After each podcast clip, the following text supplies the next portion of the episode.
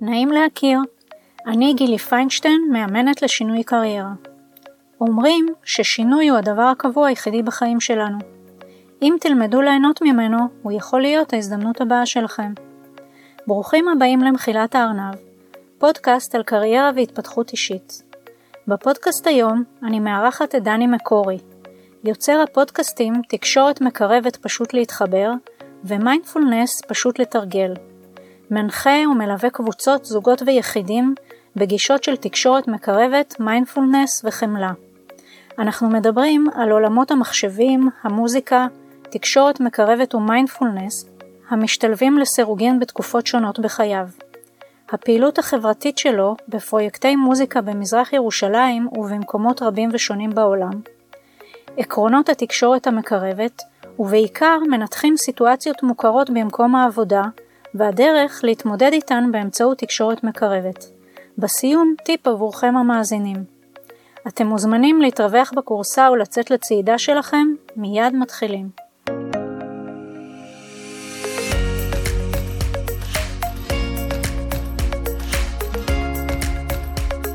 שלום דני מקורי, ברוך הבא למחילת הארנב. תודה רבה, תודה שאת מארחת אותי. באנו היום כדי לדבר על אה, תקשורת מקרבת בקריירה, אבל אה, נתחיל בכך שתציג את עצמך, מי אתה היום? וואו, אה, מי אני היום? ההצגה הזאת של מי אני, זה תמיד מורכב, ואני חשבתי על זה, תיארתי לעצמי שתשאלי אותי גם כי שמעתי שאת שואלת אחרים. אמרתי, מה אני אגיד, מה אני אגיד? ואז ניסיתי לחשוב על מה, מה ילד אומר כששואלים אותו מי הוא. לפני שיש את כל המחשבות האלה על מה אני עושה בחיים, ואיך אני מציג את עצמי, ואיך אני משווק את עצמי. אז מי אני? כן? אז אני ילד בן 46, אה, אדם בן 46, אנושי, עם, אה, עם גם דאגות, חששות לגבי כל מיני דברים בחיים שלי, וגם הרבה מאוד סיפוק מדברים שאני עושה. בשלב זה בחיי אני מתעסק בעיקר בהנחיית אה, קבוצות, ליווי של יחידים, זוגות וקבוצות, בגישות של תקשורת מקרבת, מיינדפולנס וחמלה, וגם uh, עוסק בהנחיית מנחים להנחיית מוזיקה ותנועה בקבוצות. Uh, זה פחות אני עוסק היום, הייתי רוצה לעשות את זה יותר, זה גם דבר שאני מתכנן. אני אבא לארבעה ילדים, שניים מנישואים קודמים, שניים צעירים יותר, מנישואים שניים. גר בירושלים, במקור מחיפה. מגדיר את עצמי כבן אדם מאוד מאוד שאפתן, מאוד לא זר לי, הביקורת העצמית או הרצון להצליח עוד ולהפיק עוד ולעשות עוד ולייצר וליצור, שמצד אחד הדחף הזה הוביל אותי להרבה מאוד עשייה בהרבה מאוד תחומים שונים, אה, וגם אה, חיזק לי את הערך העצמי, והרבה מאוד משוב שאני מקבל שנותן לי כוח ותחושת אה, הצלחה ומסוגלות, ומצד שני, זה גם בעוכריי. מין קול שהוא לא שקט, שלא מאפשר לי לפעמים פשוט לנוח ולא לעשות כלום. כך שלכל דבר יש שני צדדים, וזה מי שאני. אני חושב שבאיזשהו מקום התחומים שנמשכתי אליהם, או כרגע שאני עוסק איתם בחיים, מאוד מאוד מתכתבים בדיוק עם התחושות האלו, של לעצור, לנשום, להתבונן במה שיש, להכיר תודה, להעריך את מה שהשגתי עד היום, וגם אה, לבדוק לאן פניי מועדות ולמה, למה זה חשוב לי. ובעזרת הכלים שלמדתי ושאני מלמד, זה נותן לי הרבה יותר בהירות. לא תמיד שקט, אבל לפחות יותר בהירות. איפה נולדת? נולדתי בבית חולים רמב"ם, בחיפה. שני הורים אה, אקדמאים, וגדלתי בחיפה, ברמת הדר, עד, עד הצבא בעצם. מה עשית בצבא?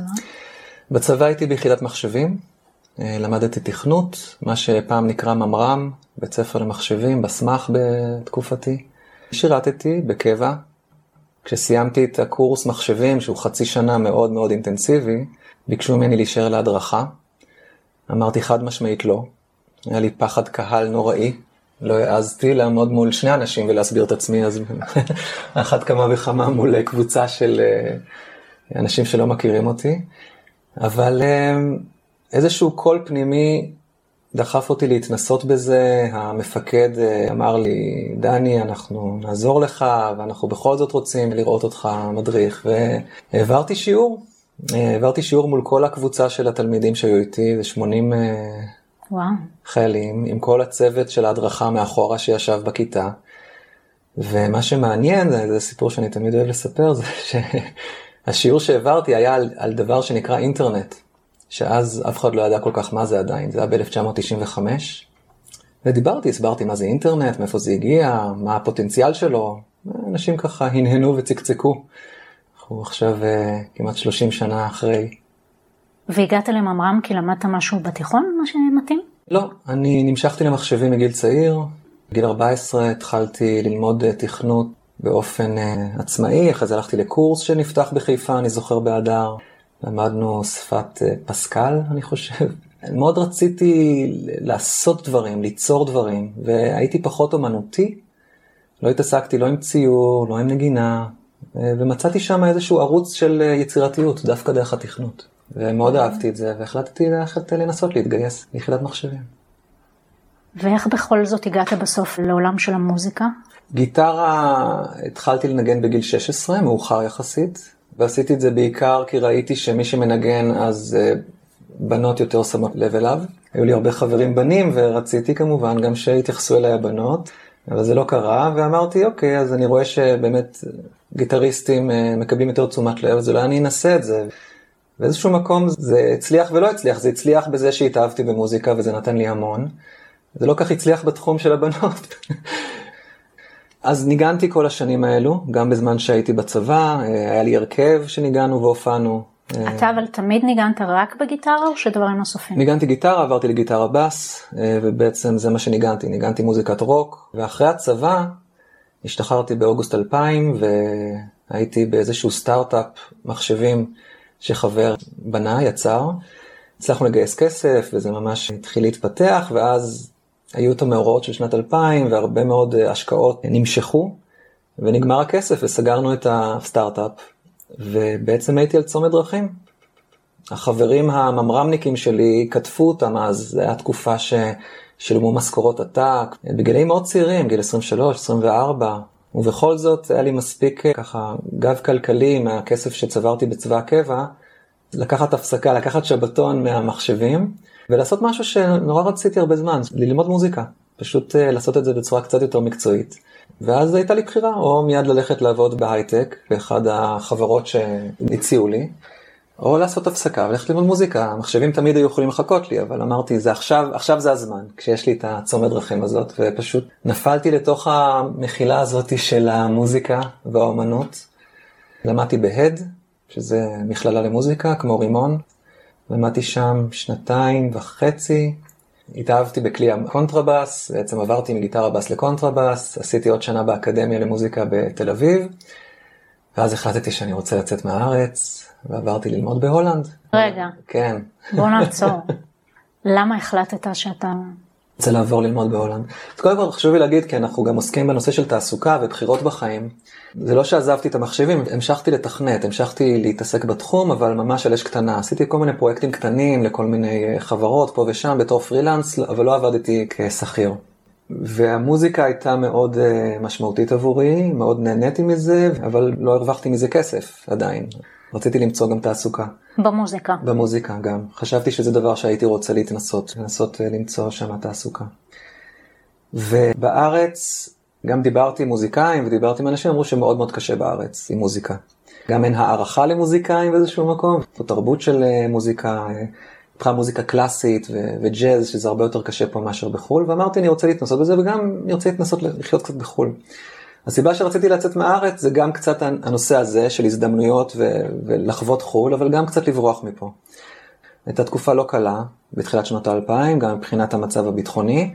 גם איבדתי חבר ילדות בצבא, באסון המסוקים, דני זהבי, זיכרונו לברכה. חבר ילדות מאוד מאוד יקר לי, והרגשתי פה כבדות, רציתי להתנסות קצת בחיים בחו"ל.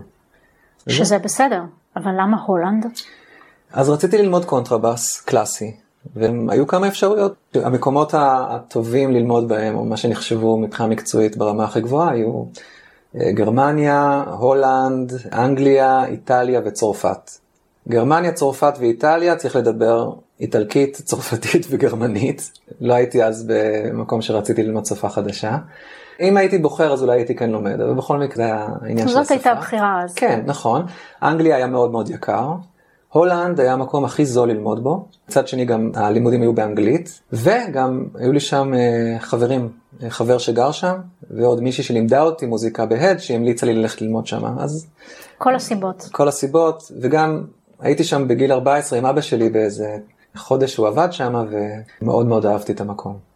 התקבלתי ללימודים, ועשיתי שם תואר ראשון במוזיקה, ארבע שנים. למדתי, גרתי בהולנד, הכרתי שם את אה, אשתי הראשונה, התחתנו שם, היא גם מוזיקאית. 2007 סיימתי את התואר, חזרנו לפה. למה חזרתם לפה? אז הנה שוב מקום של בחירה. אני זוכר בשנת 2006, כשהייתי כבר בשנה השלישית של התואר, התלבטתי יחד איתה, מה, מה נעשה כשנסיים את התואר שלנו? וחשבנו לעבור אפילו לניו יורק, כי יש שם הרבה מאוד הזדמנויות לנגנים קלאסיים, ולהצטרף לתזמורת ואנסמבלים לפתוח, וכל מיני, אתה יודע, ממש חיים של מוזיקה קלאסית. אבל היינו גם באים לבקר פה, כמה פעמים בשנה היינו פה גם, ובחופש של שנת 2006, בחופש הגדול, הגענו לכאן, והיא אמרה לי, דני, הפעם אנחנו מבקרים בישראל, חשוב לי שגם נעשה משהו למען המצב, כאילו לתרום לשלום באזור. אמרתי, בסדר, בואי, בואי נעשה משהו, אני בשמחה נזרום עם זה. אני גם טיפוס מאוד מרצה, אז בכלל, כאילו, לא היה לי אפשרות להגיד לו, אז לפחות. ואז חיפשנו באינטרנט ומצאנו אתר של שותפות אה, יהודית-ערבית, שמחפשים אה, מדריכים שרוצים להתנדב בקייטנת קיץ לילדים במזרח ירושלים. וכתבנו להם שאנחנו מוזיקאים ונשמח לעשות סדנת מוזיקה עם הילדים. משהו שהוא חד פעמי. כן, בקיץ. כזה, בקיץ כזה, לבוא לכמה ימים ולעשות כמה מפגשים עם הילדים. הגעתי לשם עם המון המון חששות, גם ביטחוניות, כאילו עליי, באופן, אה, כאילו, ביטחון האישי שלי הפיזי, וגם המון דעות קדומות.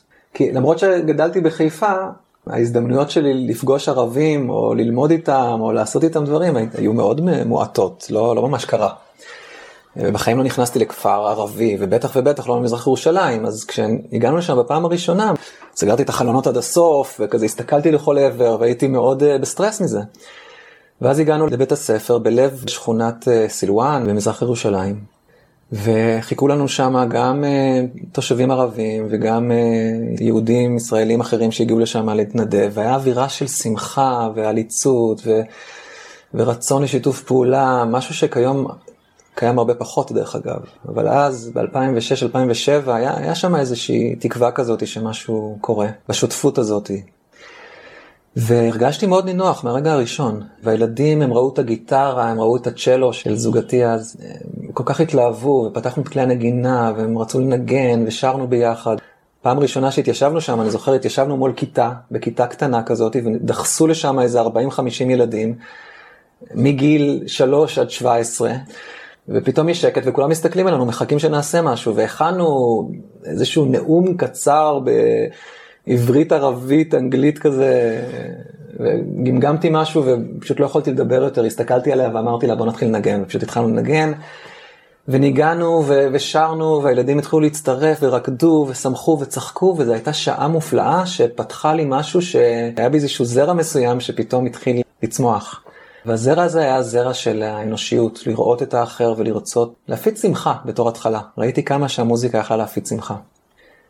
חזרנו להולנד, אחרי הקיץ הזה, ועשינו עוד uh, כמה סדנאות עם הילדים, גם שם, גם בדרום הר חברון. וחזרנו להולנד, ואנחנו יושבים מול המסך, מסתכלים על כל מיני אפשרויות מה לעשות בסוף התואר, ואנחנו אומרים לעצמנו, לא, אנחנו לא רוצים לנגן בתזמורת, אנחנו רוצים uh, לעשות משהו עם המוזיקה, שהרגשנו שהיה כל כך משמעותי. מפה לשם גייסנו כספים ופתחנו בית ספר למוזיקה במזרח ירושלים בשנת 2007. אז רגע, למה להקים אה, קונסרבטוריון במזרח ירושלים? אם יש לזה מקום במציאות שלהם. זה משהו קצת יותר מתמשך מאיזושהי נכון. סדנה של אה, שעה.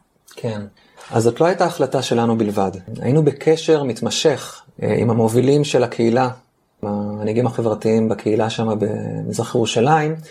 שקודם כל נתנו לנו משוב אחרי הסדנאות, שהייתה התלהבות גדולה, וההורים רק שאלו מתי יהיה עוד פעם, ש, שזה ממש היה משהו מאוד מאוד משמעותי עבורם, כי אין להם את זה. אין פעילויות אחר הצהריים. הילדים חוזרים ומגרשי משחקים גם אין, אז הם מחפשים איזה מקום משחק עם כדור, אין, אין חוגים, אין כלום. החוגים שיש, שהם במקומות אחרים במזרח ירושלים, עולים הרבה כסף והם לא נגישים. התושבים רצו להקים איזשהו מרכז קהילתי שיאפשר לילדים לבוא ולעשות משהו עם משמעות והתפתחות גם רגשית, גם חברתית, אחר הצהריים, אחרי בית הספר. והתושבים רצו למצוא גם דרכים לא אלימות, דרכים מועילות לילדים לבטא את עצמם, להתפתח, ללמוד דברים, להרחיב את האופקים. והם ביקשו מאיתנו, האם תוכלו לחזור ולעשות את זה שוב? כשישבנו וחשבנו על זה, אמרנו, כן, אם, אם נוכל לגייס כסף שגם יתמוך בנו כלכלית, וגם יוכל להקים בית ספר שיהיה בחינם עבור הילדים. הילדים שילמו משהו כמו עשרה שקלים לחודש. הם קיבלו כלים, הם קיבלו שיעורי מוזיקה, והמרכז התפתח. מי, גם... מי מימן את כל הפעילות הזאת? זה התחיל עם ארגון אה, שנקרא Music in Me, ארגון הולנדי. היה לנו נגישות לארגונים הולנדים שרצו להשקיע, הארגון הזה ספציפית, בפרויקטים מוזיקליים במזרח התיכון. קיבלנו מהם תקציב שאפשר לנו להשקיע הרבה מאוד זמן ומשאבים שלנו ולהקים את הבית ספר. וכמה זמן עשיתם את הדבר הזה? הבית ספר הזה התפתח ונהיה יותר מרק אה, בית ספר למוזיקה. אני זוכר איזשהו שלב שאימהות היו מביאות את הילדים לשיעורי מוזיקה ושואלות את בת זוגי, האם מתכננים לעשות גם משהו לנשים בכפר ולא רק לילדים.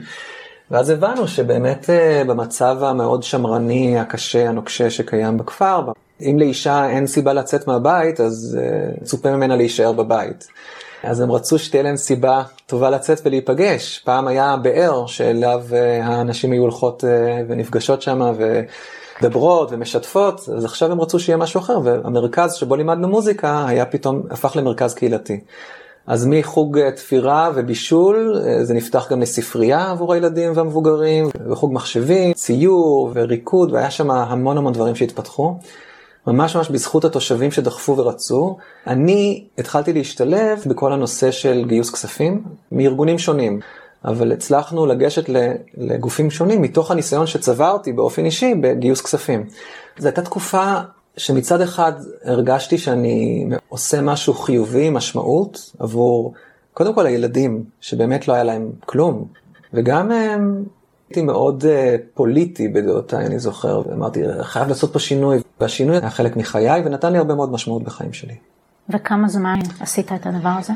זה לא היה קבוע, זה התחיל uh, להיות יותר ויותר דליל בשנה השלישית-רביעית, כשהתחלתי להתעסק בדברים אחרים. וזה דבר שהיה לי חשוב גם לומר בפודקאסט שלך, שאולי המסר שהייתי רוצה להעביר זה שצד אנשים מסתכלים ואומרים, וואי, אתה משנה את הקריירה שלך, ואתה כל פעם עושה משהו חדש ומשתנה, ו- ואני רואה עכשיו בדיעבד, איך שכל פעם בחרתי במשהו שהייתה לי בו תשוקה. כשיש לי תשוקה במשהו, אני נותן את כל כולי. ואז אני לא מאמין שאני לא יכול להצליח בו. כי אם אנחנו באמת נמצאים במשהו עם תשוקה אמיתית, אז אנחנו נתאמץ ואנחנו נזיע ואנחנו נהנה מכל טיפת זיעה. עכשיו לדוגמה, בתקופה שבה אני עוסק במשהו מאוד רחוק ממחשבים וממוזיקה, אני חש פה מיצוי ומשמעות עד הדבר הבא. אני פחות פוחד מזה, פעם הייתי פוחד מזה, מהאופי הזה שלי, להחליף תעסוקה. ועכשיו אני יודע שכשאני אתאהב במשהו, או שאני אחוש כלפיו תשוקה, אז אני כבר מאמין בי שאני אוכל לעשות את זה בצורה המיטיבה ביותר. תמיד בהסתכלות אחורה, כמו שאמר סטיב ג'ובס, connecting the dots, אז uh, אנחנו יודעים להסביר לעצמנו את מה שהאינטואיציה ידעה uh, לפני ממש. כן מה צריך לעשות. נכון. אני חושבת שיש, לכולנו יש כמה פנים, כמה כישורים, אז זה שהתחלת במחשבים זה לא אומר שכל חייך אתה אמור להיות במחשבים, וגם המוזיקה זה חלק, וגם מן הסתם אנחנו עוד מעט נשמע על חלקים אחרים, ו... כל תקופה כנראה נכון לך לבטא חלק אחר, וזה בסדר, זה לגיטימי, וכל זמן שאתה אומר, אני מרגיש שאני חי בתשוקה ושאני עושה את הדברים ואני לא מפחד ואני גם מבין שזה בעיניי אה, תובנה מדהימה שאני לא צריך לפחד מהמעברים האלה כי אני יודע שאני יכול לעשות אותם טוב שזה בעיניי ייחודי. אני לא יודע אם אני יכול לעשות אותם טוב. אבל אני יודע שאני אתן את כל כולי, וזה מה שחשוב לי. וגם אמרת שאתה לא מפחד, וזה חשוב. כן, אני לא, אני לא מפחד מזה שזה לא יצליח לי.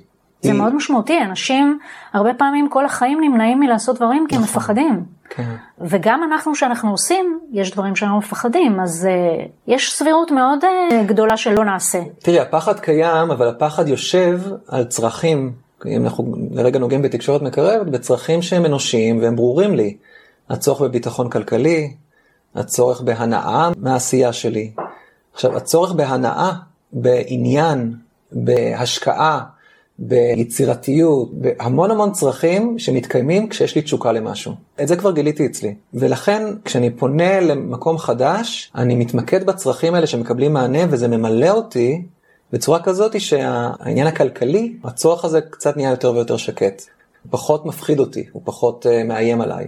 וזה לא בגלל שיש לי גב כלכלי כזה חזק, אבל בגלל שאני מאמין שכשאני שם את פניי לכיוון התשוקה שלי, זה הצליח לי, אז למה שזה לא יצליח לי בפעם הבאה? מה מוביל אותך, מה מושך אותך לאזורים חלשים? אולי אנחנו צריכים רגע ללכת צעד אחורה ולדבר על מוזיקאים ללא גבולות. נכון. כי אנשים אה, מכירים אה, רופאים ללא גבולות, כן. אז בוא תספר רגע קודם על המוזיקאים ללא גבולות. אז בשנת 2008 אה, היה כנס בירושלים על מוזיקה באזורי סכסוך בעולם, והוזמנתי לדבר על הפרויקט שלנו בסילואן. ולאורה הסלר, המייסדת והמנהלת של מוזיקאים ללא גבולות הבינלאומי, הגיעה לדבר בכנס, ושם פגשתי אותה. לאורה אסלר היא דמות מאוד מאוד מעניינת, אה, מיוחדת במינה. היא הבת של אלפרד הסלר, שהיה המזכיר של ה-Fellowship of Reconciliation, אחד הארגונים המשמעותיים ביותר במאבק לזכויות אזרח בארצות הברית בשנות ה-60 וה-70. הוא אה, היה האדם שהוביל אותה גם להתעמק ולהתעסק בנושאים של זכויות אדם. היא, היא הייתה נוכחת בנאום המפורסם של מרטין לותר קינג, I have a dream, והיא אה, מצאה את עצמה גם בהולנד, בעקבות אה, אהבה, ושם היא פגשה בקושי של המהגרים, והחליטה להשתמש במוזיקה שלה בשביל להקל על חייהם. בהולנד. בהולנד. אה, מהולנד עברו לעבוד גם בקוסובו, והכרנו, ואז היא באה לבקר בפרויקט שלנו בסילואן, והיא שאלה אם אנחנו רוצים להצטרף ולעשות משהו איתם. אמרנו כן, הצטרפנו לארגון. בת זוגי שהיא הולנדית, היא יכלה לנסוע יותר, יותר יותר אה, חופשיה לנוע בגדה המערבית, והיא עושה עד היום פרויקטים. ואני התמקדתי במזרח ירושלים, ואז בקיץ 2010, לאורה שאלה אם אנחנו רוצים לבדוק התכנות להתחיל פרויקט באפריקה. יצרנו קשר עם ארגונים חברתיים, ארגונים רפואיים, עם אה, מוזיקאים, מוסדות תרבות, באזורים שונים במזרח, מרכז אפריקה. מהתשובות שקיבלנו החלטנו להתמקד ברואנדה ובאוגנדה. ונסענו לשבעה שבועות, עם גיטרה ועם כל מיני אה, כלי אה, הקשה. איפה הקונטרבאס? לא, לא מתקפל במזוודה. וזה היה מאוד משמעותי, מה שפגשתי שם.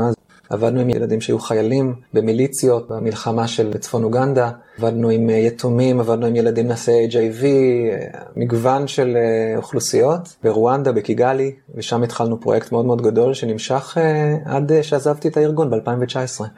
אני חושב שהמשיכה הזאת היא לעזור או להקל על סבלם של אחרים, באה מתוך החוויה בילדות שלי. יש לי אח גדול ממני שאובחן עם סכיזופרניה.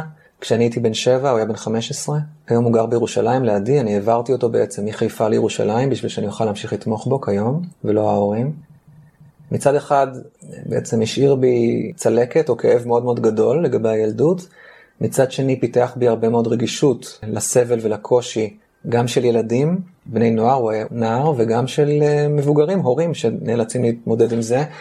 ובתור ילד פיתחתי אופי מאוד מרצה, שמאוד רוצה להקל על ההורים מתוך זה שאני מצטיין ועושה את מה שאומרים לי והכל, ואחר כך איכשהו נמשכתי לדבר הזה של להקל, גם לנסות לפתור ולתקן אי צדק, וגם אה, להקל על סבלם של אחרים, ובעיקר ילדים.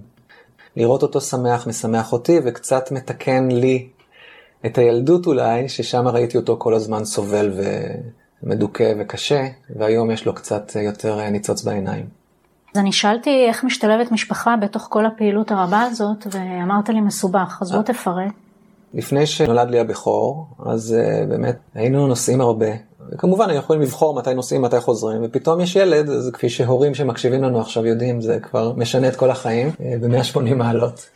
והיינו צריכים להתחיל לצמצם. אז באמת uh, בת זוגי נשארה בארץ, ואני הייתי זה שנוסע. וזה היה לי קשה, גם להיפרד מהילדים לתקופות ארוכות, גם כל הזמן להיות על מזוודות. פחות אפשר לי לעשות פרויקטים ארוכי טווח פה בארץ, אלא יותר ככה בפעימות.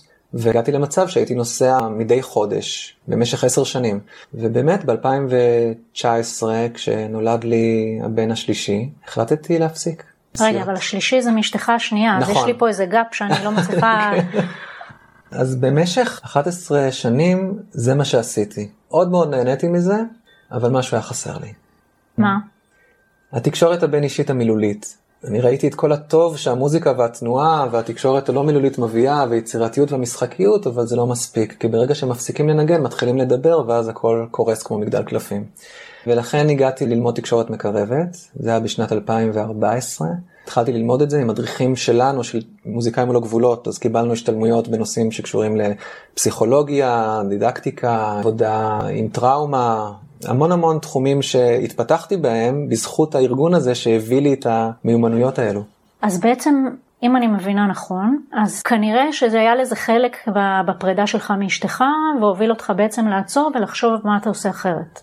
אני אסביר את זה אחרת. באמת, במהלך 2013 נפרדנו, אבל המשכנו לעבוד באותו ארגון.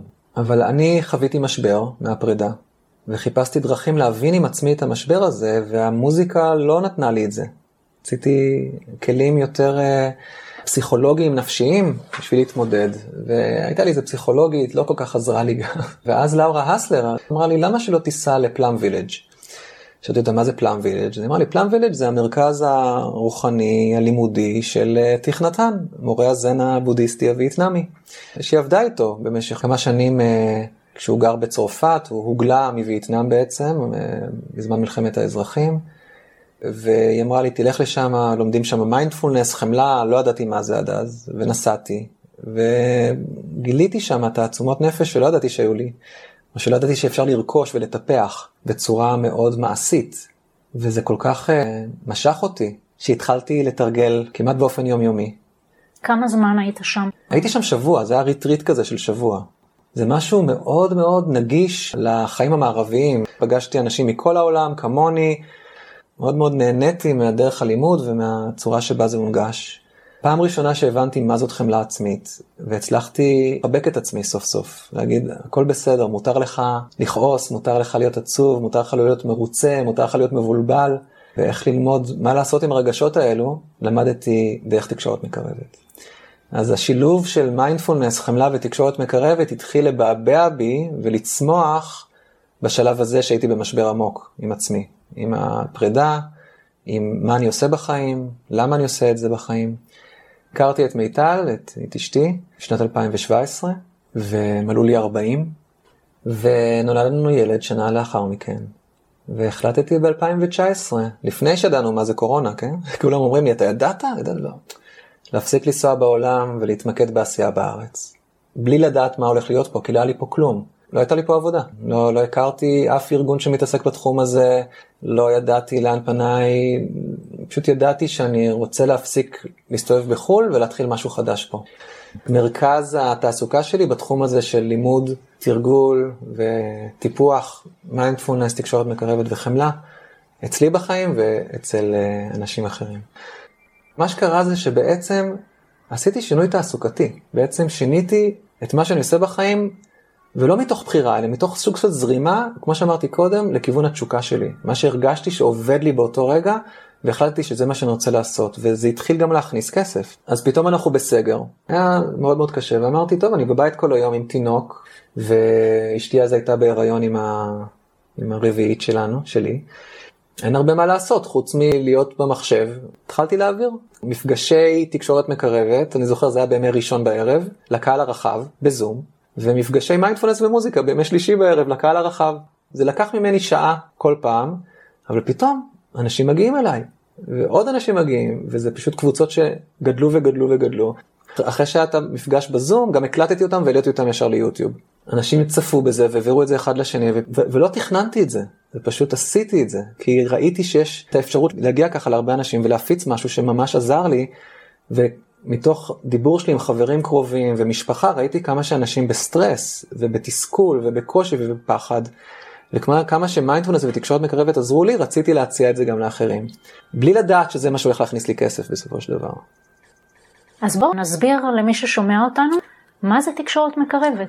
אז תקשורת מקרבת זאת גישה שפותחה על ידי דוקטור מרשל רוזנברג, זיכרונו לברכה, שהיה פסיכולוג, והוא פיתח גישה שבה אנחנו יכולים להשתמש בכלים ובצורת חשיבה מאוד מובנית בשביל להבין מה הדברים שחשוב לי שיבינו אותי, בשביל שאני אוכל להבין את עצמי, להבין את האחר, במטרה לייצר חיבור בין אישי, כאשר השורש של החיבור הוא אמפתיה, האנושיות המשותפת לנו, בשביל להבין יותר טוב מה אני מרגיש, מה את מרגישה, מה אני צריך, מה את צריכה, ולמצוא פתרונות כדי לענות על הצרכים של כולם.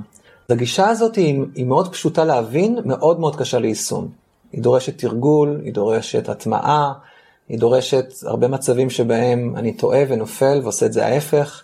היא דורשת שינוי מחשבתי ושינוי דיבור והתנהגותי, אבל אצלי זה ממש שינה את כל החיים. עזר לי מאוד להתמודד עם פחדים שלי, עם קשיים שלי, עם חוסר הבנה לגבי מה אני עושה, למה אני עושה. ברגע שאני מבין שכל רגע שאני חווה זה כי משהו שחשוב לי קורה, או לא קורה, זה עוזר לי יותר לדייק מה אני רוצה שיקרה, ומה לבקש מהאחר או מעצמי. אז עכשיו בואו ניקח את התקשורת המקרבת לעולם העבודה. אז איך תקשורת מקרבת יכולה לעזור לנו בעולם העבודה? תקשורת מקרבת היא מתחילה בתור כלי והיא הופכת להיות דרך חיים. היא בעצם מספרת לנו שכל רגע שאני חווה, אני לא מגדיר אותו כשלילי או חיובי. אני מגדיר אותו בתור סימן. אז אם אני חווה שמחה, הנאה, סיפוק, זה סימן שמשהו חשוב לי קורה. אז אם זה בעבודה, זה יכול להיות הערכה, מעריכים אותי, אז אני חווה סיפוק, אושר, שמחה כזאת, נכון? נינוחות. אם אני מצליח באיזה משימה מאוד מאוד קשה, אני חווה מסוגלות, זה גם משמח, זה מרחיב את הלב. אז כשאני מתחיל להתבונן למה טוב לי במקום עבודה, אני שמח. למה אתה שמח? איזה צרכים אנושיים שלך, איזה דברים שחשובים לך באנושיות שלך, שקורים שם. חברה עם אנשים, שותפות, נראות, הערכה, כבוד, אה, מימוש עצמי, התפתחות, למידה, גיוון, אלה צרכים אנושיים שכולנו חולקים אותם, והרבה מהם, מהצרכים שעכשיו פירטתי, בדרך כלל מקבלים מענה בעבודה שלנו.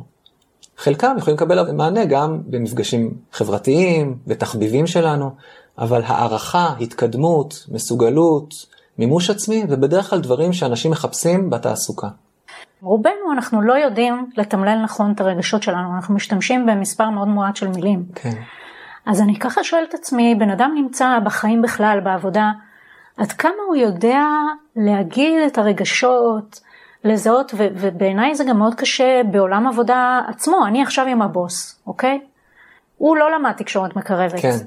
איך, איך, איך אנחנו מכניסים את זה לתוך ה... אז אני אקח עוד צעד אחורה ואני אסביר שרגשות, באמת השם של הרגש זה דבר שאנחנו נותנים פרשנות למה שאנחנו חווים בגוף. כשאת עצובה, את לא חושבת שאת עצובה, את מרגישה עצובה, את חווה את זה בגוף. כשאת בסטרס, את לא בוחרת או חושבת שאת בסטרס, את מרגישה את זה בגוף. זה נכון, אבל יש מנעד מסוים, אנחנו בעברית משתמשים פחות רגשות, אבל יש המון רגשות, העצובה הזה, זה יכול להיות המון דברים, זה לא חייב להיות דווקא עצובה. נכון, זה פחות חשוב לי, אני אגיד לך גם מה. אני חושב שבתקשורת מקרבת, לתת שם ספציפי לרגש הוא פחות חשוב לי כמו להבין על מה זה יושב.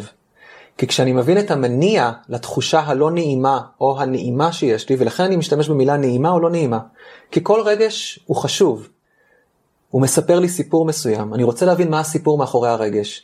תקראי לזה עצב, דכדוך, באסה, דיכאון, חוסר אונים, ייאוש, בסדר.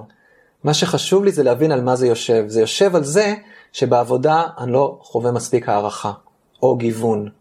וכשאני מבין את זה, אני יודע גם מה לבקש מעצמי או מהבוס. כי כשאני שואל מישהו, טוב לך בעבודה, הוא אומר לי, לא, סתם עוד יום עבודה. מה קורה שם שגורם לו להגיד את זה בצורה הזאת? מה חסר בצרכים האנושיים, בצורך האנושי שאני מקווה לקבל בעבודה, שלא קורה שם?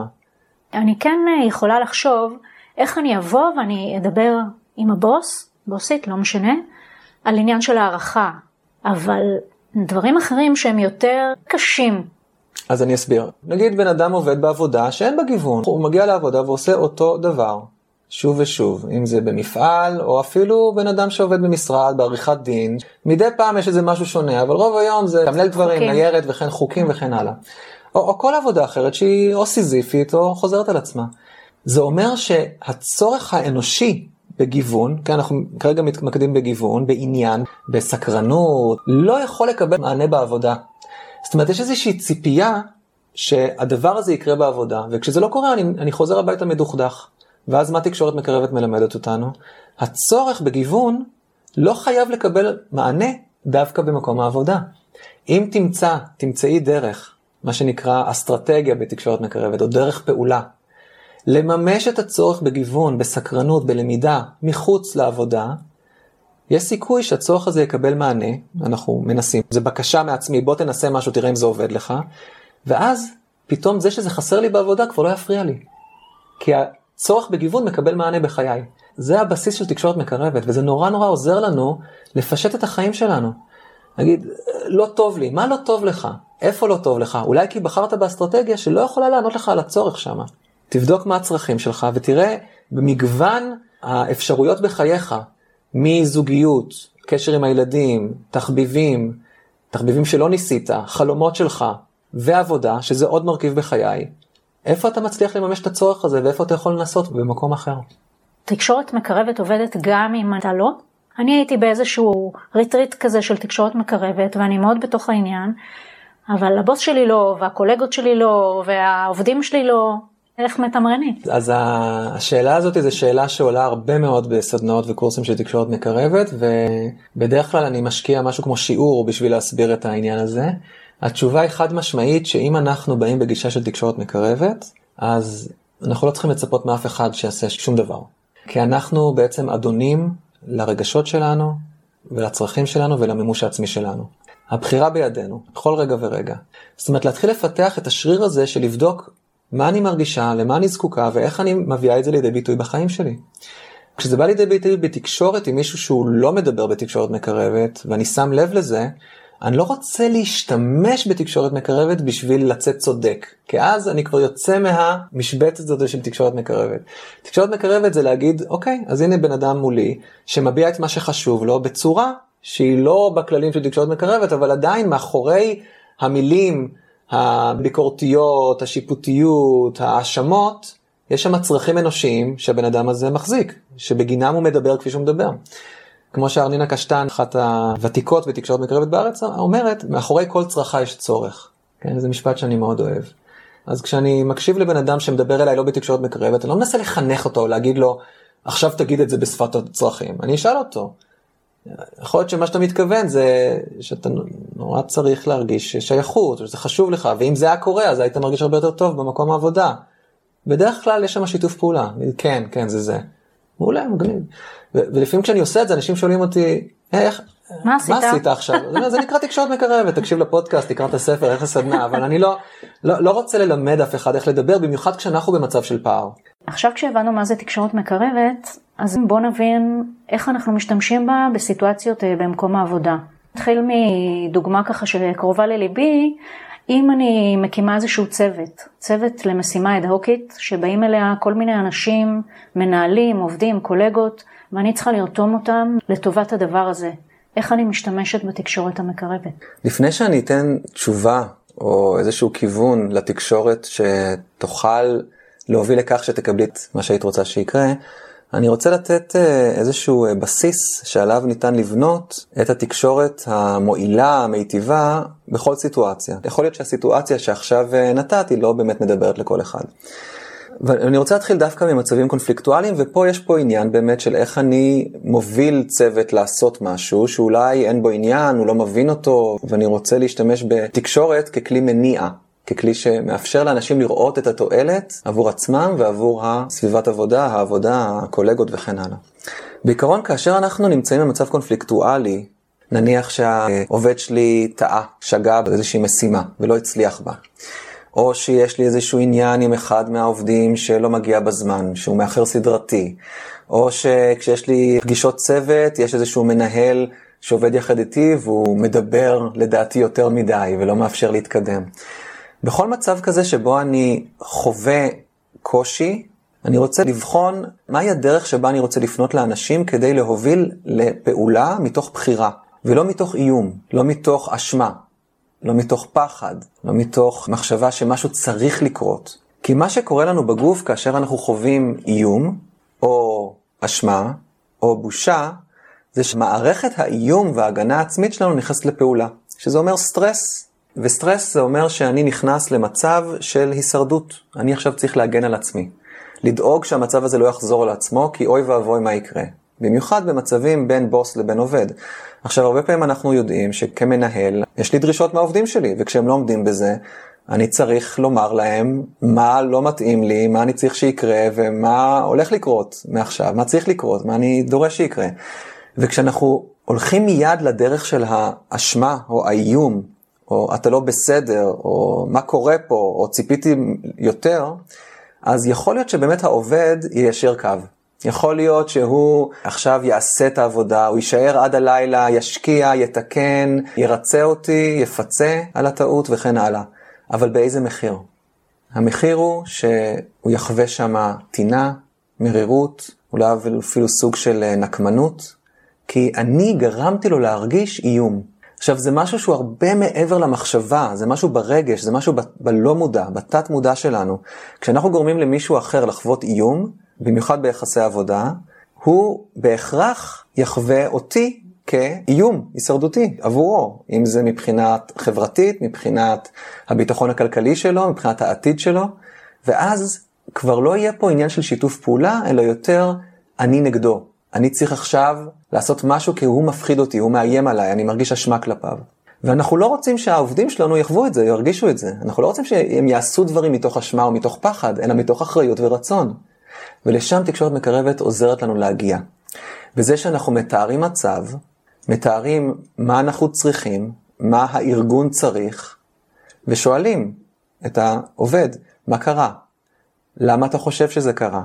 מה ניתן לעשות כעבודת צוות בשביל שזה לא יקרה שוב? כי אם זה קורה, אז א', ב', ג', זה מאט את העבודה, זה לא מאפשר לנו לעמוד ביעדים, זה פוגע בתפוקה, וכמובן, שנינו לא רוצים בזה.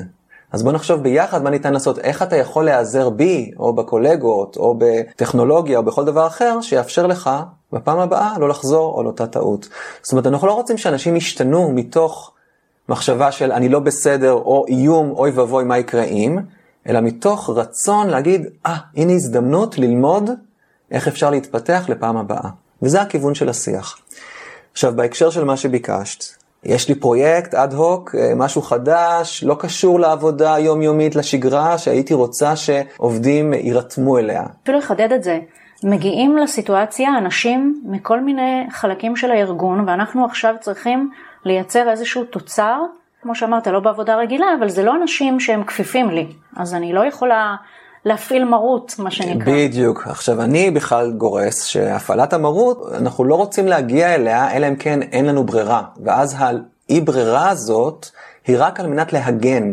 כשאני מאיים על עובד, עכשיו תסיים את הדוח, או תתקן את מה שעשית עד... זה באמת המפלט האחרון, כי אני מבין שאם זה לא יקרה, ויש התנגדות, אז משהו מאוד מאוד גדול ייפגע, משהו קריטי.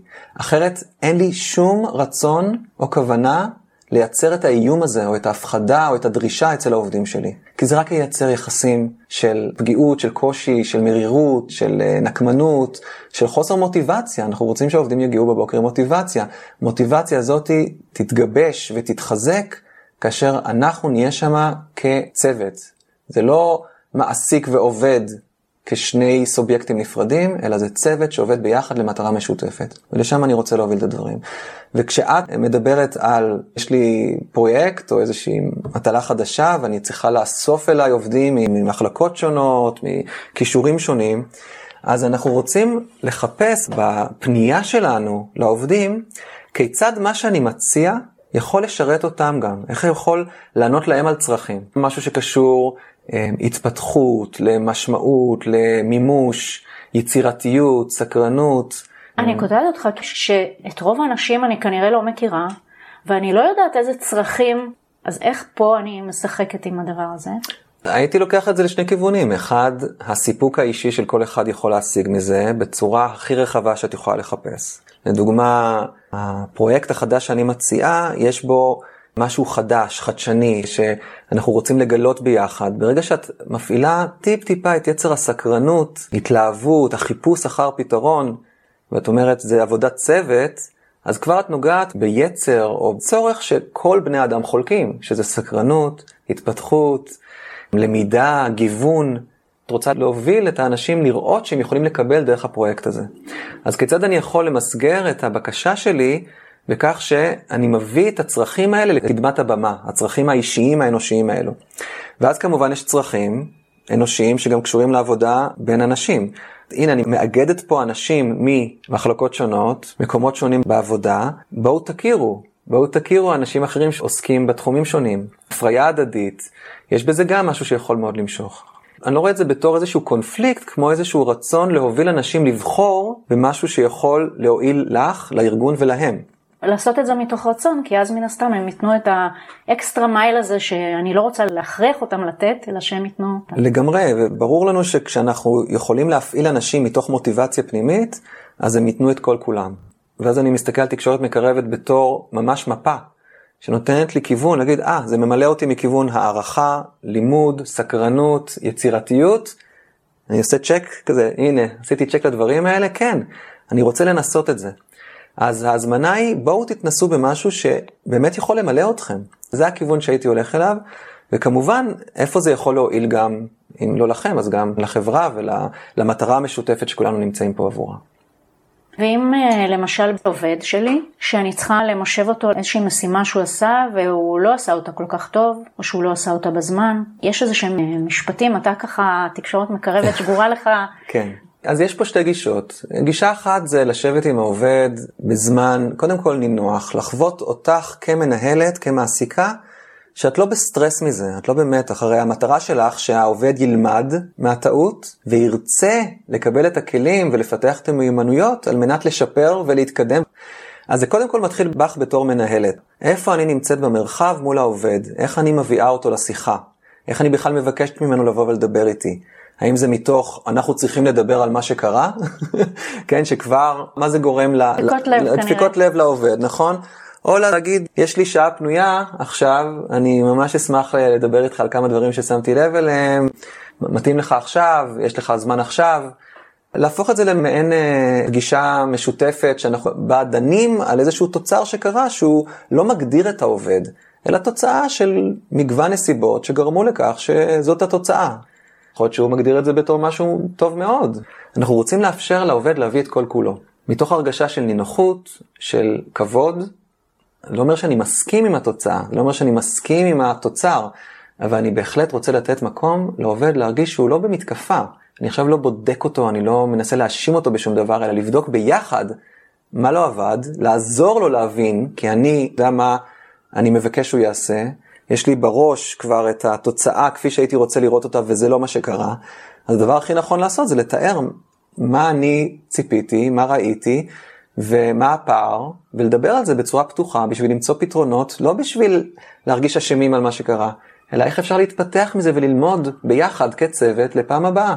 מה אתה צריך ממני כמעסיק על מנת שהדבר הזה יוכל להתפתח ולקרות בצורה שיתרום לתפוקה, שיתרום לייצור, שיתרום להבנה של הצוות, אה, לכך שנעמוד בזמנים, כל מיני דברים שחשובים לי.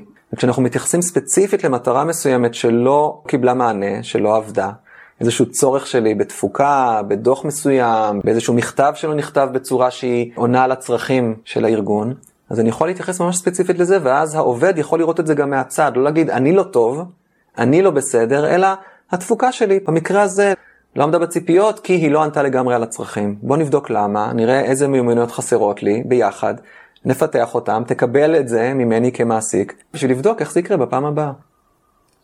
סיטואציה אחרת בעבודה, קולגות. קולגות זה לא חייב להיות מנהלים, גם שני עובדים שצריכים ללבן בינם לבין עצמם איזה שהן סיטואציות. איך יכול לבוא ולהגיד לקולגה שאין פה יחסי מרות, עם הדברים הטובים והלא טובים, עם הדברים שלנו מסתדרים אחד עם השני, לא מסתדרים אחד עם השני, כן. זאת אומרת יש פה איזשהו עולם. בוא נניח שיש uh, משימה לצוות, ואני תרמתי את חלקי, עובד אחר תרם את חלקו, ואז הוא שולח את המייל למעסיק, הנה סיימתי, סיימתי את העבודה, משהו כזה. והמעסיק uh, מחזיר תשובה, כל הכבוד לך, איזה יופי. ואני נשאר עם תחושה, נכון? של, רגע. איפה אני? איפה אני? תרמתי לו פחות, למה הוא כתב סיימתי, למה הוא לא כתב סיימנו, ואני שומר את זה בבטן. כי לא נעים לי, כאילו מה אני עושה מזה כזה עניין, סיימנו את המשימה, זה של הצוות, יאללה נתקדם הלאה, אבל משהו נשאר בי שהוא לא מדויק, הוא לא, הוא לא רגוע. ואם אני שומר את זה בבטן, כמו שאנחנו עושים שדרך הרבה... שדרך אגב, יכול להיות שזה לא פעם ראשונה שהבחור עושה. יכול להיות שזה כבר פעם שלישית, ואני כבר שומר בבטן ארבע פעמים, זה לא משנה, אבל אנחנו יודעים שהרבה מאיתנו הם מחזיקים דברים כאלה, כי אנחנו לא רוצים לעשות בלאגן. כי אנחנו לא רוצים לפגוע ביחסי החברות, בצוות, לייצר קונפליקט, כי קונפליקט זה דבר לא נעים. לא נעים לי לבוא למישהו ולהגיד לו, לא נעים לי מה שעשית. אני לא יודע למה לצפות בעצם, נכון? אז כשאני לא יודע למה לצפות מבחינת התגובה, איך זה יפגע ביחסים בינינו, האם הוא יתקוף אותי בחזרה, או פתאום יעלה משהו שאני עשיתי לו לפני שנתיים, אז אני מעדיף להימנע. ואז ההימנעות הזאת היא, היא לא מעלימה את הרגש, הוא נשאר שם. ואני חוזר לעבודה מחר, ואני מסתכל עליו שוב, ואני אומר, או, זה שלא כתב את השם שלי במייל, טוב, נו, לא משנה, אמרתי שאני אתעלם מזה, אני אתעלם, אבל אי אפשר. וזה יבוא לידי ביטוי פתאום, באיזשהו, נכון, הוא יגיד, טוב, אז מה, אז אנחנו... ומשהו לא קשור. משהו לא קשור, הוא יגיד, אה, בטח, אתה תמיד רק חושב על עצמך, או משהו כזה, נכון? אז ברור לנו שהרגשות שלנו והמחשבות שלנו על מה פוגע בנו, פגע בנו, לא נעים לנו, כשאנחנו שומרים את זה לעצמנו, זה מייצר אצלנו סטרס. וזה יכול אחר כך לחזור כמו בומרנג, זה, זה בסוף פוגע בנו, פוגע באחר. ותקשורת מקרבת עוזרת לנו להביע את עצמנו בצורה שמביאה את עצמי. בלי להגדיר את האחר, אלא רק להסביר את הסיטואציה בצורה כמה שיותר תצפיתית, בלי פירושים, בלי פרשנות, בלי שיפוטים. אז בוא, בוא תגיד לי, אתה בתוך הסיטואציה okay, הזאת, מה אתה אגיד, אומר לו? היי, hey, יש לך דקה לדבר, משהו שיושב לי על הלב, שמפריע לי, שכואב לי, כל אחד למצוא את המילים שהן מתאימות לו, אני לא רוצה פה לייצר, אה, נכון, איזשהו, אה, אנשים שהם לא, לא יהיו אותנטיים לדרך הדיבור שלהם, אז כן להביע איזשהו רגש, יש משהו נורא חשוב לדבר עליו, שמפריע לי, שכואב לי, שיושב לי על הלב, שהייתי רוצה לדבר איתך עליו. מתאים לך עכשיו? אז קודם כל לבדוק באמת אם הבן אדם מתאים לו עכשיו לדבר, יכול להיות שהוא עכשיו עסוק במשהו, או שמשהו אחר מטריד אותו, פתאום אני בא אליו עם הדבר הזה, אז ברור שאני אקבל התנגדות. אז אני רוצה לייצר קודם כל את האווירה, כמו שהסברתי קודם על המנהל, אני רוצה לייצר אווירה שהיא נינוחה, שהיא מאפשרת לשני הצדדים להתבטא בצורה שנוכל ללמוד ממנה, שנוכל להתקדם ממנה. כי כשאני תולה מי אשם, מי לא בסדר ומחכה עכשיו לפיצוי או ריצוי, זה יחזור אליי אחר כך שוב. כי אני לא רוצה לגרום לאף אחד לעשות דברים שהוא לא עושה אותם מהלב, לא עושה אותם מתוך בחירה, מרצון, מאחריות. אז אותו דבר גם פה. מתאים לך לדבר? נניח הוא אומר לי לא עכשיו, אני עכשיו עסוק עוד חצי שעה, שעה, מעולה, נקבע זמן, אמרו לי רבע שעה כאן, מצוין, מספיק לי רבע שעה. קובעים רבע שעה, יושבים, כוס קפה, כוס תה, עכשיו המטרה שלי זה להביע את מה שחשוב לי בסיטואציה ולשמוע את הצד השני. עכשיו אני יכול לקחת את פה שני כיוונים, או קודם כל לשאול אותו אם הוא בכלל שם לב, או ישר להביע את מה שחשוב לי. שוב, זה תלוי ביחסים, אבל אם אני בא ואומר, תראה, אז שבוע שעבר, זוכר שעבדנו על הדוח הזה, שהיינו צריכים לשלוח בזמן, אומר לי, כן, כן, כן. כתבת אותי לאימייל, ובאימייל כתבת, הנה הדוח שסיימתי. שמת לב לזה? לא הבעתי עדיין שיפוט לגביו, לא אמרתי כלום. עכשיו, יכול להיות שבאותו רגע כבר בן אדם יקלוט, יגיד, אה, כן, זה שכתבתי רק עליי, אומר, כן, אני לא, עדיין לא יודע מה הסיבה והכל, אני רק רוצה להגיד, כן, כשקראתי את זה, אז חוויתי את המתח הזה בגוף, כן, הרגשתי קיבוץ, עצבנות אפילו, אפילו עלה בי כזה כעס כזה, חשבתי, למה הוא כותב סיימתי ולא סיימנו? כי נורא חשוב לי שהבוס שלנו, וגם אנחנו, נעבוד בשותפות, ושהוא יראה שזה שותפות. מבחינת הערכה שאני מקבל פה, מבחינת הדרך שאנחנו עושים, איך זה נשמע לך? מה קרה? מה אתה חושב שקרה? אז אני לא מאשים אותו, אני לא מגדיר מי הוא, אני לא אומר שהוא בן אדם רע, שהוא מחזיר לי, שהוא לא בסדר, אני מתאר את החוויה שלי. אני חוויתי קיבוץ, אני חוויתי כעס, אני חוויתי בלבול, הרגשתי אכזבה, איזשהו רגע שהרגשתי, כי למה אני זקוק, מה אני צריך. יש את הכרטיסיות, רגשות וצרכים שנותנות לנו באמת מפה, אוצר מילים שהוא מאוד מאוד תורם ועוזר לנו להביע את עצמנו ברגעים כאלו. ומאוד מאוד חשוב לסיים את המשפטים בבקשה. הבקשה פה היא בקשה דיאלוגית. מה קרה? אתה שמת לב לזה? אתה יודע למה אני מתכוון? מה אתה חושב על זה? הייתי נזהר מהמילה למה, כי בלמה יש הרבה מאוד האשמה. למה השארת את הכלים זה? למה לא לקחת את הילדים? למה לא סיימת את הדוח? אני יכול גם, אחרי השיחה, להגיד מה הייתי מבקש לפעם הבאה. מתאים לך שבפעם הבאה, כשאנחנו שולחים דוח לבוס, או לחברה חיצונית, או מה שלא יהיה, שנכתוב את המייל ביחד, או שנשים לב יותר באמת לדבר הזה שאנחנו צוות, זה מתאים לך, זה דבר שאפשר לשים לב אליו יותר. עכשיו, יכול להיות שבשיחה הזאת בדיוק, פתאום הצד השני יגיד, כן, אתה יודע מה? כי זה מה שאתה עשית לפני חודשיים. זה קרה לפני חודשיים? כן, אתה שלחת דוח למנהלת השנייה, וכתבת שם, אני סיימתי, אני עשיתי, אני, אני, אני, והנה, התפלק לי עכשיו גם אני, אני, אז אתה רואה, אז הנה, אז עכשיו אנחנו שווים. זו תגובה כזאת שהיא חצי נוזפת, חצי מאשימה, חצי, הנה, החזרתי לך. ואנחנו לא צופים לזה, אבל זה בדיוק העניין, הנה, השני החזיק את זה בבטן. ואם הוא היה בא ומדבר ופותח את זה איתי קודם, אז הייתי יכול לשים לב לזה, להתנצל, אולי להתחרט, להגיד אוקיי, פעם הבאה בוא נשים לב לזה ביחד. והמקרה השני לא היה חוזר על עצמו. כצוות היינו יותר מגובשים. אתה יודע, אז אני שמח שדיברנו על זה, כי עכשיו אתה מעלה את מה שאני עשיתי לפני חודשיים, ואני לא שמתי לב, אז אני יכול להבין שגם אתה לא שמת לב, או שכן שמת לב, או שעשית את זה בכוונה הפעם, ובטח שזה לא כיף לעשות דברים בכוונה או לקבל דברים בכוונה, אבל אני יכול להבין מאיפה זה הגיע.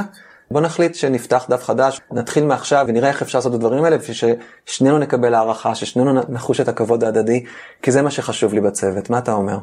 ואם ניקח אה, סיטואציה אחרת של עובד שצריך לדבר עם הבוס, חושש שהבוס לא יענה לבקשה.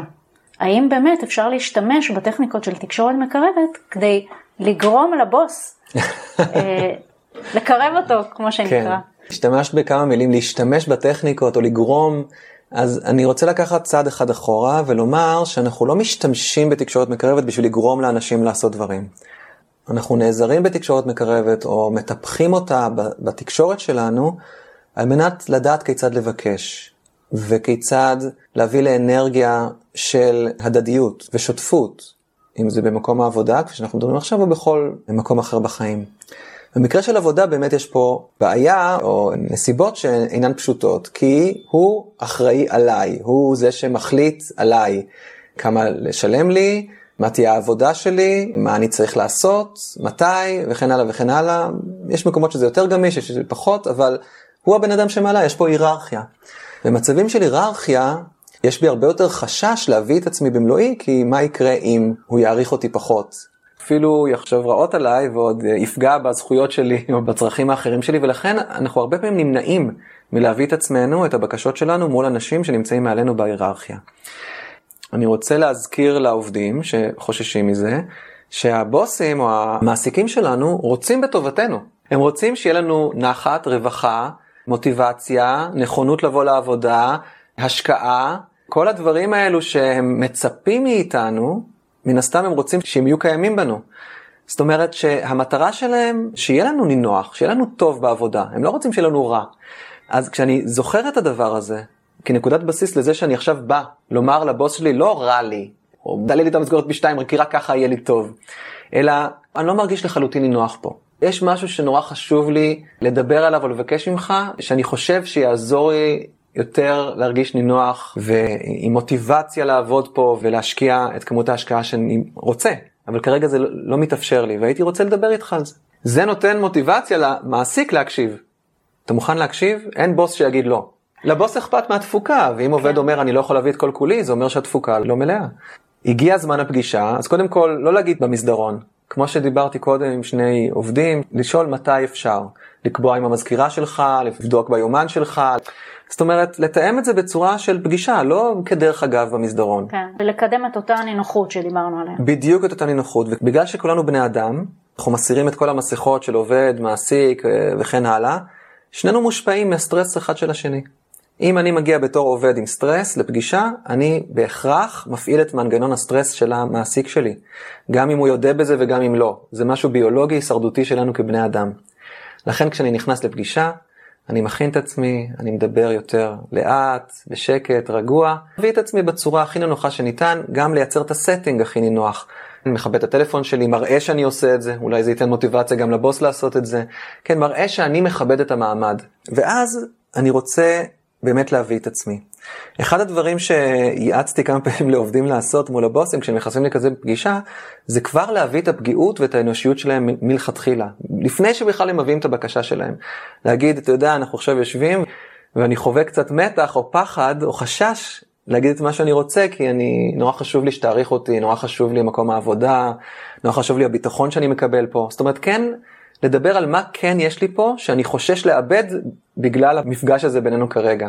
אז uh, מישהי שאייצתי לה פעם והיא עשתה את זה, היא אמרה, וואי, ברגע שאמרתי את זה, הסתכלתי על הבוס שלי ופתאום הוא התרכך כמו ג'לי וראיתי אותו כבן אדם פעם ראשונה, משהו כזה.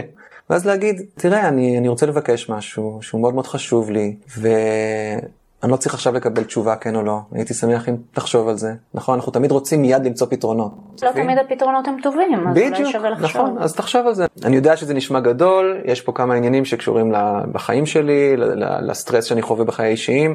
מאוד חשובה לי עבודה, אני רוצה לחשוב איך אפשר לארגן את זה בשביל שאני אוכל להמשיך לעשות את מה שחשוב שאני אעשה כרגע בתקופה הקרובה. זאת אומרת, לחשוב באמת על הסיטואציה, לא כי אני נגדך, ועכשיו מי הולך לנצח, אלא כיצד אנחנו מביאים את זה לשיתוף פעולה, מתוך בחירה. אני יודע מה הצרכים שלך, בוס יקר, אני יודע מה אתה זקוק לו, איך אפשר עדיין לדאוג לזה וגם לדאוג לצרכים שלי. אז אלה הדברים שאנחנו רוצים להוביל ליחסים אה, בעבודה, בין אה, קולגות, בין אה, מנהלים, בין עובד למעסיק, להביא את עצמנו במלואנו בבקשה מאוד ברורה. ואפשר לשמוע לא. אם אנחנו שומעים לא, זה אומר שאם הוא יגיד כן, אז אולי הוא יצטרך לוותר על משהו שהוא חשוב לו. ואנחנו לא רוצים שאף אחד יוותר על משהו, כי זה רק משאיר אותנו שוב עם טינה ומרירות. אז אם הבוס שלי אומר לא, אז אני אשאל, אתה יכול להסביר למה לא? חשוב לי להבין למה לא, ובכל זאת למצוא פתרון שיעבוד לשנינו. יש איזה טיפ שאתה רוצה לתת למאזינים? אני רוצה לחזור למה שאמרתי קודם, או שאני אומר את זה שוב בצורה אחרת קצת. אם יש משהו שמלהיב אותי, ושאני רואה בזה הזדמנות, או משהו שמסקרן אותי, ושאני מוצא שם תשוקה, אז לא ללכת על זה, או לא לנסות את זה, זה בשבילי סוג של אלימות כלפי עצמי. או לפחות אה, ביטול של הילד שבי, שרוצה לפרוח וליהנות ולגדול ולצמוח בחיים האלה. אנחנו כולנו עדיין קיימות בנו התכונות האלו של הסקרנות, של ההתפתחות, של המימוש, של העצמאות, של המסוגלות. וכשיש הזדמנות קטנה כזאת שאנחנו רואים בדרך שיכולה, עלולה להוביל אותנו לממש את אחד מהצרכים האלו, לתפוס אותה, לתפוס אותה, לא לוותר על זה, ממש. עברתי ממחשבים לנגינה, לעשייה חברתית, אחרי זה ללמד uh, תקשורת מקרבת, מיינדפולנס, חמלה, דברים שונים לחלוטין, וכל פעם זה היה איזשהו ניצוץ קטן שהלהיב אותי, ושמצאתי בו תשוקה, והלכתי על זה. וזה לא שהכל הצליח, אבל כל עוד חוויתי תשוקה המשכתי עם זה. ואני יכול להגיד לך שגם עכשיו כשאני מלמד תקשורת מקרבת ומיינדפולנס וחמלה, יש ימים שבהם אני שואל את עצמי, האם זה זה? האם זה, זה עדיין האם זה, זה עדיין זה? האם היום זה זה? ולפעמים התשובה היא כן, כן מלא כזה של 100%, ולפעמים לא. ואז כשזה לא, אני לא מיד מפסיק. זה לא, אוקיי, אז עכשיו אני משנה כיוון. אני שואל את עצמי, וואלה, איזה צרכים כבר לא מקבלים מענה פה? ואם הם לא, אז אני אחפש את מקום התשוקה הבא שלי. תודה על השיחה. תודה רבה, תודה רבה. אהבתם? מוזמנים לעקוב אחריי גם באתר שלי. חפשו גילי פיינשטיין בגוגל. מתלבטים לגבי המשך דרככם המקצועית? מוזמנים לקבוע איתי שיחת מיקוד ללא עלות וללא התחייבות. תודה שהאזנתם, להתראות בפרק הבא.